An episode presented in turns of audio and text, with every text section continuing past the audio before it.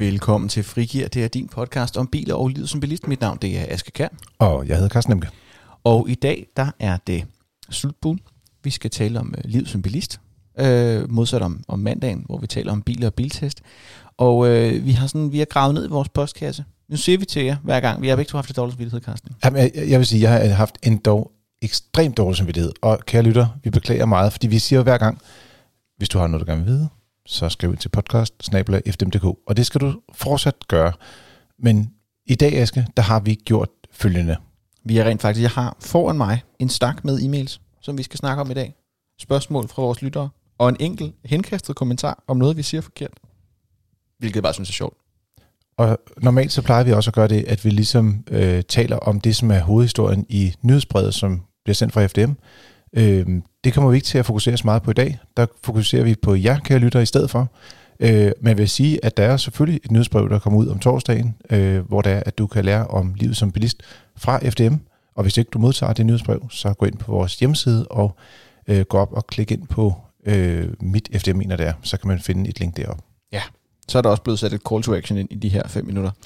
Øhm, mange af de spørgsmål, jeg har fundet frem her i min lille bunke, de har sådan et, enten et, et, sådan et en elbilsvinkel, eller en, en plug-in hybridvinkel, eller sådan et eller andet, mere eller mindre elektrificeret øh, eller miljøagtigt. Og det er altså ikke, fordi jeg har valgt dem ud efter den præmis så meget, som det er, fordi det er bare det langt de fleste af jer skriver ind om. Øh, og det er jo fedt, øh, men det er jo også et, det er jo også et område, hvor der er mange ubekendte på en eller anden måde. Der er mange ting, man kan være i tvivl om. Øh, og der er mange spørgsmål.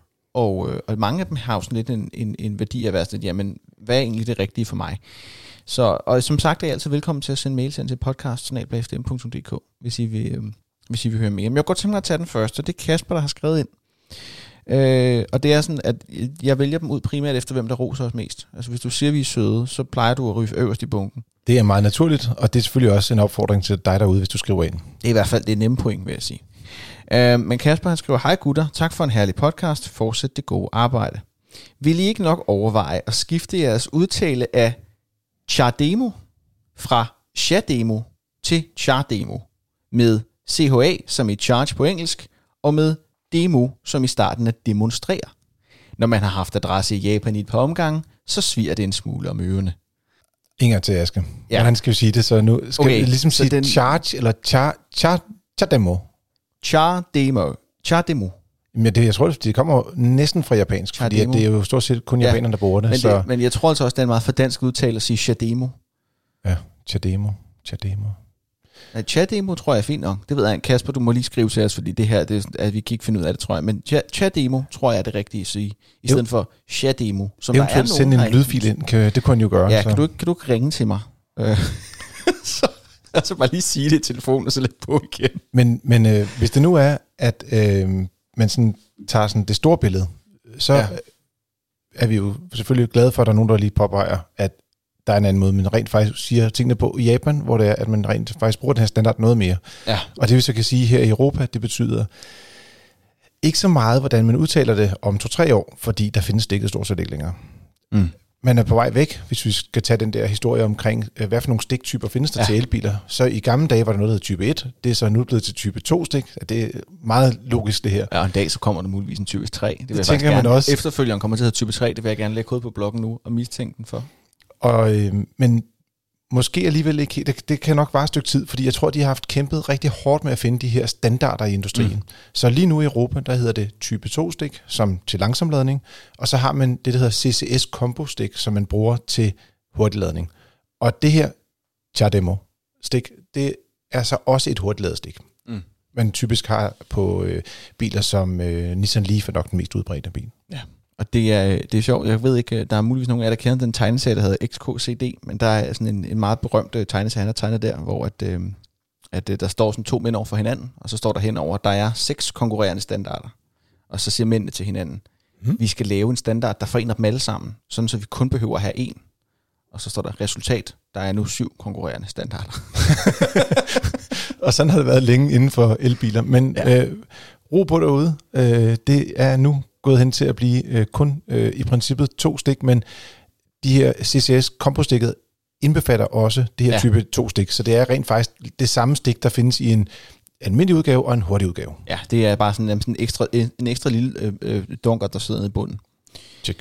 Det næste, der har skrevet, det er René.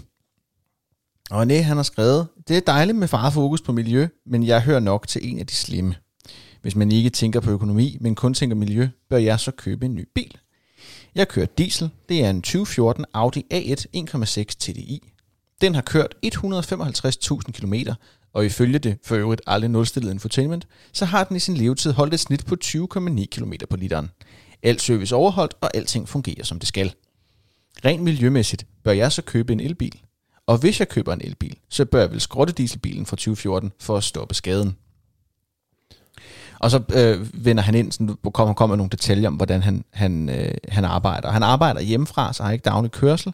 Øh, kører lidt småture for at handle, og ellers så kører han øh, ikke meget længere væk mellem København og Herning. Sociale ture er typisk mellem 50 og 150 km hver vej, og så kører han to gange om måneden til Polen, øh, hvor han kører to gange 450 km. Og så kører han typisk også på ferie i en bil. Til gengæld bor han i lejlighed og har ikke mulighed for at lede hjemme. Ja, og det gør det sidste er jo ligesom der, hvor det er, at øh, pinden bliver slået i forhold til at have en elbil. Ikke? Ja, altså, der hvor filmen knækker. Ikke? I hvert fald som det ser ud lige nu, når ladenetværket, det offentlige øh, tilgængelige ladenetværk ikke er bedre end det er. Mm. Men øh, han kunne måske overveje at købe en nyere dieselbil. Øh, mm. Øh, nu sagde det var 2014. Jeg bliver lige lidt i tvivl, fordi det, det ligger lige der, hvor det er, du skifter mellem Euro 5 og Euro 6. Ja. Og det vil, vil også sige, at hvis man vil gøre noget godt for miljøet, så gør man det, at man køber en Euro 6 bil, især mm. hvis man kører mange kilometer.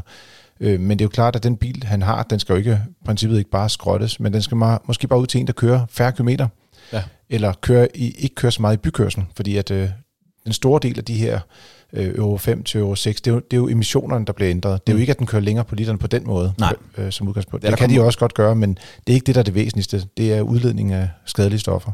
Øh, og det vil sige, hvis han kører ind i byen og sådan noget, så vil jeg nok øh, anbefale, at han får, får skiftet op til en Euro 6-bil. Det kunne eventuelt være en benzinbil de kører ret langt på literen nu, og øh, hvis han kører en del korte ture, så vil jeg nok anbefale det. Det lød som om, han havde en del af hverdagskørsel, der var kort, ikke? Ja, ja han har ikke, han, hans bil øh, står generelt sådan til daglig stille, men så øh, når han endelig kører, så er det mere sådan noget ud at handle, eller køre sine børn i skole, eller sådan i den, i den, i den størrelsesorden. Så på den måde, de, men det er nok de der, jeg vil skyde på, det er nok at de der to gange om måneden, hvor han kører 450 km hver vej til Polen, som ligesom motiverer valget af dieselbil. For det er jo der, hvor den virkelig kommer til sin magt, ikke? Ja, men det er bare så lidt. Det, jeg plejer altid at sige, køb, køb bil efter hverdagen, ikke efter weekenden. Og det her, det er jo ikke engang i weekenden, hvis han kun kører et, et par gange om året til, mm. til Polen. Så jeg vil gå efter en, en moderne benzinbil, som har et øh, pænt brændstofforbrug med en turbomotor, som også vil øh, give lidt af det træk, han er vant til. Og så, øh, ja, gå den retning. Og så har René Forøl også skrevet, at han er stor fan af vores podcast. Det vil jeg også bare egentlig pointere. Igen, der er en rød tråd. 1-2. Tjek. Yes. Vi takker, René. Ja, det gør vi i hvert fald. Øh, den næste, der har skrevet, det er Janus. Og Janus, han har skrevet sådan noget, der er lidt, øh, der er lidt, lidt længere. Øh, hej FDM, jeg står over for at skulle anskaffe mig en ny bil og gå med dybe overvejelser i den forbindelse. Det er for altid en god idé. Tak for podcasts og tak for artikler på web og i medlemsbladet. Vi kører ca. 20.000 km om året, og det er overvejende småture med børn til skole og børnehave, indkøb osv. Vi bor ca. 11 km uden for Svendborg, og nu og da besøger vi familie rundt om i landet og kører mellem 150 og 200 km. Denne form for langturskørsel udgør måske 10-15% af vores forbrug. Lige for tiden glæder jeg mig til at finde ud af, om Seat Leon plug-in hybrid kommer med varmepumpe og en rimelig rækkevidde på strøm. Med andre ord, om vi kan klare vores hverdagskørsel på strøm alene. De mange roser fra Søren W. Rasmussen, som er vores biltekniske redaktør, vores øh, øh, sådan hovedbiltester, Check. og som er meget glad for Seat Leon, vil jeg mærke, er svære at komme udenom. Og jeg har talt med en forhandler i Svendborg. Han giver udtryk for, at plug-in versionen vil komme til at koste det samme som de andre under forudsætning af, at der ikke kommer nye bilafgifter, og det gør der. Så lige den der med priserne, den, den kommer han nok til at slås ja. lidt med her om en uge eller to eller tre. Ja, der kunne godt, det kunne godt risikere at blive, øh, blive noget andet end, end det samme som de andre. Øhm, han skriver så, nu kommer så langt om længe spørgsmål. Hvis man kan få en plug-in til samme pris som de andre, så kan man jo reelt købe sig en plug-in og aldrig lade den op. Så vil den forurene som en fossilbil, der koster meget mere i grøn afgift, Dens værditab vil sandsynligvis være mindre end en tilsvarende fossilbil. Er man må opmærksom på det inde i elbilskommissionen, og vil man med tiden differentiere registreringsafgiften på rene elbiler og plug-in hybrider? det er svært at gøre det kort, og det er måske voldsomt at kalde det misbrug, hvis man køber en plug-in og pendler mellem Svendborg og Middelfart, uden nogensinde at lade bilen op. Altså nu er vi jo ikke øh, ældrekommissionen eller øh, regeringen, Nej. os to, øh, desværre. Det, ja, det, kunne, det kunne også være fedt, ja. Men når det er sagt, så øh, vil jeg sige, der er ikke nogen tvivl om, at øh, vores anbefaling fra FDM's side, det er, at hvis du vælger en plug-in hybrid, så er det fordi, du lader den til hverdag. Mm. Hvis ikke du lader den til hverdag, så får du ikke den fulde udnyttelse af at køre i en bil med så stort et batteri. Mm. Alternativt kunne du lige så godt bare købe en bil, som var en hybridbil. Mm. Og så har du et mindre batteri, øh, faktisk øh, under 10 gange så stort. Og det vil også sige, der er jo en miljøbelastning ved at lave batterier. Mm. Så hvis ikke du har tænkt dig at gøre brug af det her med at lade bilen op, øh, så, så lad være. Men jeg synes også, det lød som om, at de køreture, han kørte, var faktisk sådan, at de passede ret godt med en plug-in hybrid. Ja. Så jeg vil også sige, at øh, når man finder ud af, hvor lækkert bilen egentlig kører som, plug, altså som elbil-delen mm. af plug-in hybriden, så vil han også vælge at gøre det til hverdag. Og jeg har ikke kørt lige præcis den udgave, fordi at vi ikke har haft mm. endnu i plug-in hybrid, men vi har prøvet den som e-hybrid hos Folkvogn, og det er jo som, som golf, golf ja. som er teknisk set den samme bil, men der vil jeg dog sige, at lige præcis den Leon, han kigger på, kan være noget mere interessant, fordi jeg mener også, den får som stationcar, og det gælder i hvert fald for Skodaen, den også kommet som stationcar. Mm. Og de biler, de er langt mere interessante end Golfen ud fra et praktisk familiemæssigt synspunkt, mm. fordi bagagerummet i Golfen er ekstremt lille og ja. virkelig skuffende, men ellers fed bil. Så jeg vil bare sige, den kører super fedt, og den varmer op på strøm. Altså, jeg kan, den har jeg, varmepumpe. Ja, men det, jeg er ikke sikker på, at det præcis er en varmepumpe. Jeg tror mere, at det er en opvarmning på strøm. Altså sådan en elradiator, fordi det er jo noget, der går ud over rækkevidden. Ja, det gør det, men der skal man så også kigge lidt på, hvor mange måneder på året er det et problem, og det koster også noget at sætte mm. en varmepumpe i. Så, men jeg vil bare sige, du vil have fornemmelsen af, at du kører i en bil, hvor det er, at den kan varme op på strøm alene, og du har ikke den der benzinmotor, der starter op hele tiden, som man oplever for eksempel på Kia Hyundai's plug-in hybrider. Ja. Så jeg vil sige, at han kunne godt hoppe på den øh, vogn, og der er ikke nogen tvivl om, at værditabet vil være lavere på en plug-in hybrid. Øh, afgiften på lige præcis plug-in hybrider er meget usikker lige i øjeblikket på grund af, at ja. politikerne, de kan ikke rigtig, de forslag, der kommer ud, de peger alle mulige retninger. Nogle gange så bliver plug-in hybriderne øh, 100.000 billigere, andre mm. gange bliver det 50.000 dyrere. Så der er, øh, Remain der, to be seen. Der er, der er generelt sådan en, en relativt meget politisk tumult omkring plug-in hybriderne lige i øjeblikket. Altså det er også, de er også blevet en kastebold blandt interessenter rundt omkring.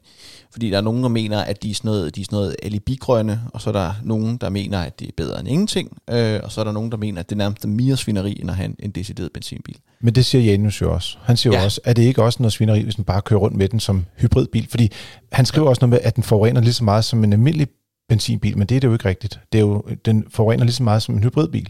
Ja. Så hvor en benzinbil måske vil køre sådan 16 på literen, så vil hybridbilen køre 20. Okay. Så på den måde vil den faktisk have et pænere udslip, men det vil ikke være, altså det vil bare blive endnu pænere, hvis man også oplader den. Ja. Og, og undgår at købe det her store batteri. Ja. Og så vil jeg også lige sige, at du spørger om det der med, at man vil med tiden differentiere registreringsafgiften på rene elbiler og plug-in hybrider, og det tror jeg, det tror jeg altså allerede, man gør. Ja, det, øh, i dag er der jo nærmest, nærmest ingen afgift på billige elbiler, og, ja. og plug-in hybriden betaler stadig noget.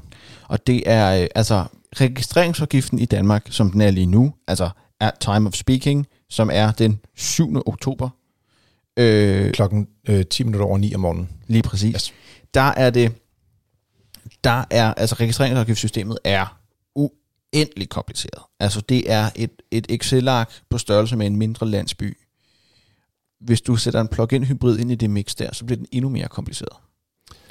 Men, men også ret billig. Altså, ja. Og det er også derfor, at man kan købe en, øh, i dag i hvert fald en plug-in hybrid til det samme, som du kan købe en, en benzinbil. Øh, og jeg vil da sige, da jeg kiggede på Golfen, der viste det sig jo faktisk, at det var, øh, det var billigere at købe den som plug-in hybrid, end at købe den mm. som benzinbil med samme, altså med en, samme type motor og også med automatgear, fordi man skal huske, at automatgear er standard i de fleste plug-in hybrider. Det er næsten en... Jeg vil sige, det er det faktisk i alle princippet. Ja. Så. Og det, så for at svare, fordi nu kom vi sådan lidt rundt i øst og vest, øh, Janus, det beklager jeg meget, øh, men, men for at gøre en, en lang historie kort og komme med et svar, jo, man kan sagtens have en plug-in hybrid, og aldrig nogensinde lavet den op, men du får ikke lige så meget ud af den bil, som du har købt, som du kunne få. Du får ikke lige så meget miljømæssigt ud af bilen, som du kunne have fået, og det er generelt bare sådan en dårlig idé. Altså du gør livet mere, hvis du kan lade op og ikke gøre det, så gør du livet mere bøvlet for dig selv end nødvendigt. Ja, og du får en mindre fed bil. Ikke mindst. Lige præcis. Men vi kommer tilbage til alt det med priserne og afgifterne. Ja, det kan og, vi love. Ja, og afgifterne, og Det- vi har, det, det står løbende på vores blog, men problemet er, at lige i øjeblikket, der er der en forhandlingsproces i gang, og igen, det er, som vi taler her, den, den 7. oktober. Jeg tror ikke, det er en forhandlingsproces. Jeg tror, det er en forhandlingsproces, de kører i øjeblikket. Ja, det Alting bliver er- forhalet. Det er, en, det er en, en længere diskussion. Der er nogle støttepartier, som jeg tror måske ikke nødvendigvis er super enige i, i nogle udlægninger, men øh, det er ikke mig, der er den politiske ekspert herinde. Jeg er bare sådan hobbyinteresseret. Heller ikke her. Men der er en forhandlingsproces lige gang, og det betyder, at tingene ændrer sig nærmest time for time, og der er ikke rigtig noget, der er sikkert. Det man hører, det er, at vi, altså, vi hører ting på vandrørene, selvfølgelig gør vi det, men der er jo ikke noget, der er håndgribeligt, eller noget, man kan gå ud med, eller noget, som der er reelt ved nogen som helst. Socialdemokraterne er kommet med et, et, et, et forslag til, hvordan de tror måske det kunne se ud, men hvordan det kommer til at se ud i den anden ende, det kræver, at man kan tælle til 90. Så derfor så er vi sådan, når, når vi ved noget mere konkret, så skal vi nok tage det op og til overvejelse herinde, men indtil da, så afventer vi lidt. Og vi skal nok komme en podcast om emnet også. Ja, ja, Det- ja, det var det, jeg mente. Altså, der skal Yes. nok komme en podcast om det, når, når det er. Så er der en mail fra Lars. Øh, og Lars, han siger, nu har jeg talt en del om elbiler og plugins det sidste stykke tid, og skabt et rigtig fint overblik på den front. I tillæg til det, så kunne jeg godt tænke mig at høre jeres tanker om brugte elbiler og plug-in hybrider. Ja, nu selv overvejer jeg at købe en brugt plug-in, og kender mange, der gør det, men har måske ikke lige budgettet til en helt ny lige nu. For eksempel har jeg tænkt på en Passat GTE. Det er måske ikke verdens nyeste plug-in, men omvendt er den isoleret set en fin bil. Hvor uddateret den er i forhold til det nye? Og hvad med batterierne på elbiler og hybriderne? Hvor længe forventes de at holde, og taber de kapacitet? Og hvad med service? Der er vel dobbelt så meget, der skal serviceres med to drivliner, og kan skidtet i det hele taget holde? Meget af det er brugt af jo pionermodeller fra producenterne, og er de fyldt med børnesygdomme, der må der snart være biler nok til, at man kan begynde at lave noget statistik over det. Og det er jo alle sammen utvetydigt rigtig gode spørgsmål. Så vi siger, øh, øh, tak for et spørgsmål, Lars, eller, eller fem. Hvad er Men det, fem, øh, men fem gode. Fordi Jamen, jeg synes, de, var, de, de rammer super rent ind, og, og det er nemlig rigtig god, øh, det er rigtig gode spørgsmål, du kom med, øh, Lars. Hvad er det, jeg vil sige, det med statistikken er nok, bare for at gribe fat på det sidste spørgsmål først, øh, det er nok det sværeste. Øh, det er ikke rigtigt sådan, at øh, bilfabrikkerne de deler deres data øh, med os, og vi har ikke øh, nok data til at kunne sige noget om, at, øh, ja, at de er særligt fejlbehæftede. Øh, som, som jeg husker det i forhold til vores øh, øh, kolleger inde i teknisk rådgivning, så har vi ikke hørt om specielt mange fejl på, på lige præcis den konkrete motorkombination. Det er jo den mm. samme motor, der også øh, ligger i en Golf GT også. Lige på nær, at der er et par modeller, hvor der er, der har været fejl på nogle batterier, øh, hvor det er, at folk har fået skiftet batterierne på, altså øh, under garanti. Ja. Øh, så er der heller ikke nogen tvivl om, at batterierne, som man siger, de bliver dårligere og dårligere. Ja. Øh, jeg kender faktisk en, der, eller kender faktisk flere, der har de der Golf GT. Øh, man taler jo lidt med mange af vores medlemmer, fordi de Mm. skriver jo ind og er entusiastiske. Øh, og, og da, da de så fik skiftet batteri, kunne de så se, at deres rækkevidde steg igen.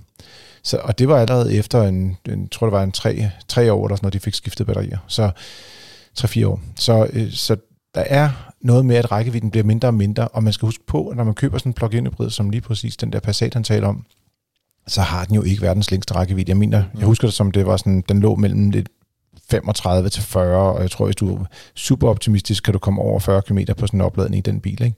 Men det er, når den er ny, Mm. øh, og så taber man formentlig sådan omkring en 30% kapacitet over en syvårig periode. Så øh, det, øh, ja, det, det, man kommer til at få en kortere rækkevidde på den, men den vil selvfølgelig stadig fungere som hybridbil også, når, når batteriet løber tør for strøm. Og det er sådan, og det er jo, og det er jo den, den, den, hvad kan man sige, the dark horse i hele øh, elbilsdiskussionen. Det er jo Mm. det her med, med hvor langt, øh, hvor meget kapacitet batterierne holder på. Og det er jo klart, det er jo både et spørgsmål om efterhånden, som kapaciteten bliver større og større, og de kører længere og længere på en opladning, jamen så bliver batteridegradering jo også helt naturligt sådan lidt mindre et problem. Øh, fordi du aldrig nogensinde ender i en situation, hvor det er sådan, okay, nu er mit batteri degraderet så meget, jeg ikke kan køre på arbejde. Altså der ender du aldrig. øh, mås, må man sige, det, plug-in hybriden har bare, når det er ældre, der er jo også nogle andre plug-in hybrider, nu, nu nævner han jo bare lige Mm. en, en Passat, men han, man kunne også have taget en, en BMW øh, eller en Mercedes, og der er nogle af dem, der havde vi jo sådan nogle rækkevidder på 18 km, Ja. øh, 22 km, øh, og så sad man og sagde, okay, hvis den så mister 30% af 20 km i rundetal, ikke, Mm. så er vi altså nede på, øh, at det må være 14 km der er tilbage. Ikke? Ja. Det, så er det jo lige før, man siger, okay, skal jeg så virkelig bruge energi på at sætte den der stik ind i, ja. stikket ind i bilen, fordi at for 14 km strømkørsel, det er næsten for lidt. Ikke?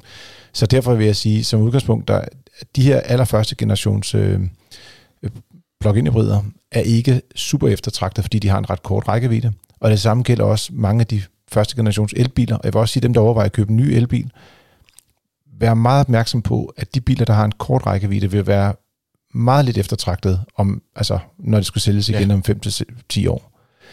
Øhm, så altså rækkevidde er konge, eller opladningshastighed er konge, og, og det har du altså en udfordring med, at ladehastigheden på ældre batterier, de, de er bare ikke specielt gode. Mm. Altså ældre øh, batteribiler, om det så er plug-in hybrider, eller om det er elbiler.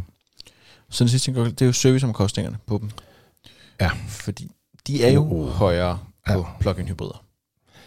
Ja, og, og, og hvad det, øhm, vi har ikke tal for, hvad koster det at holde dem kørende, øh, skal man sige, øh, når, når bilerne er 6, 7, 8, 9 år, 10 år gamle endnu. Men vi kan jo se, at øh, servicekontrakterne på bilerne er ret, øh, mm. altså de er jo cirka 30-40% dyrere, end de er på benzin- og dieselbiler. Ja. Så det her med, at du har to drivlinjer, det er en økonomisk øh, udfordring. Det koster mere at få den serviceret, fordi at du, der er simpelthen flere ting, der skal altså, så at sige, smøres og ses efter og nuses om. Og også det her med, at når det er første generation, og når bilerne bliver 10 år gamle, og kan du få delene overhovedet til bilerne og sådan nogle ting. Jeg, jeg mm. tror, jeg, man skal i hvert fald få øh, bilen til en fornuftig pris, ja. vil jeg sige. Så sparer man lidt på afgiften. Ja, det er jo det. Øh, så det er, det er anbefalingen øh, her givet videre til dig, Lars. Øh, ældre plug-in'er kan der godt være. Øh, der er nogle flere driftsomkostninger i at holde dem ved lige, end der vil være i en tilsvarende benzin eller diesel og at alt efter kapaciteten, hvor meget det er degraderet og sådan noget, skal du være opmærksom på, at du skal måske, øh, du skal måske ikke gå, altså hvis, hvis de vil have mere eller mindre nybilspris for den, så skal du så skal du ikke købe den. Så skal du bare købe en ny bil. Ja, jeg skal bare købe en ny bil. Ja, det, så er den selvfølgelig nem, men altså, at, at du skal få den til en god pris. Ikke? Hvis man som Lars er medlem af FDM, og øh, man er på jagt efter en, øh, en brugt bil, og man er lidt i tvivl om de her ting omkring plug-in hybrider og elbiler, så vil jeg sige, at øh, man kan jo altid øh, kontakte vores tekniske rådgivning, mm. hvor vores kolleger, de er altså virkelig i gang med at opgradere deres øh, viden på området. Øh, og især når man har nogle meget specifikke spørgsmål, de kan være lidt svære at svare på i en podcast. Det bliver måske også en kende nørdet, hvis det ja. er. Så, så ved, hvis det er, Lars, du ender med at stå konkret og kigge på en bil og sige, det er den her Passat eller ej, ring ind til vores rådgivning, eller, eller skriv en mail til dem. Ja, og øh, det var faktisk det, jeg havde i min lille mailbunke her i dag. Øh, så der er ikke så meget andet end at sige øh, tak, fordi I lyttede med i dag. Du har lyttet til Frigir, som er dit frikvarter med biler og livet som bilist. Og hvis du har et spørgsmål til os, eller ja, bare i det hele taget, så kan du sende det ind til, du kan også, det kan også være ros, ikke? var det ikke det, vi sagde? Jo. Ros kan også være, være med. Podcast fdm.dk og ellers så kan du altid finde øh, mere information om nogle af de ting, vi har talt om øh, inde på fdm.dk, og jeg smider også nogle links ned i episodebeskrivelsen om nogle af de forskellige ting, vi har talt om i dag. Øh, så er du velkommen til at give os en anmeldelse. Send nogle stjerner vores vej i en eller anden omfang, du finder passende, øh, hvis du har lyst til det, inde i din podcast-app. Og ellers så vil jeg bare sige øh, tak for denne gang. Vi høres ved. Og god tur derude.